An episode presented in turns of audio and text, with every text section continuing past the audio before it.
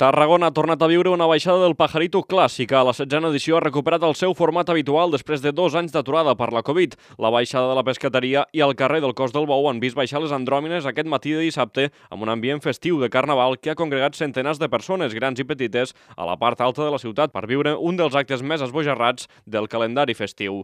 Josep Lluís Castro, president de l'Associació d'Amics de la Colla Jove, entitat organitzadora, valora molt positivament el retorn de l'esdeveniment. La previsió ha superat una miqueta el que ens esperàvem, perquè al final va costar una mica d'arrencar. A veure, després d'aquests dos anys d'aturada, doncs, com tot, eh, costa, costa d'arrencar. I la veritat és que bueno, es veu que hi ha molta gana de, de disbauxar, de, de tirar la casa per la finestra i de passar-s'ho bé.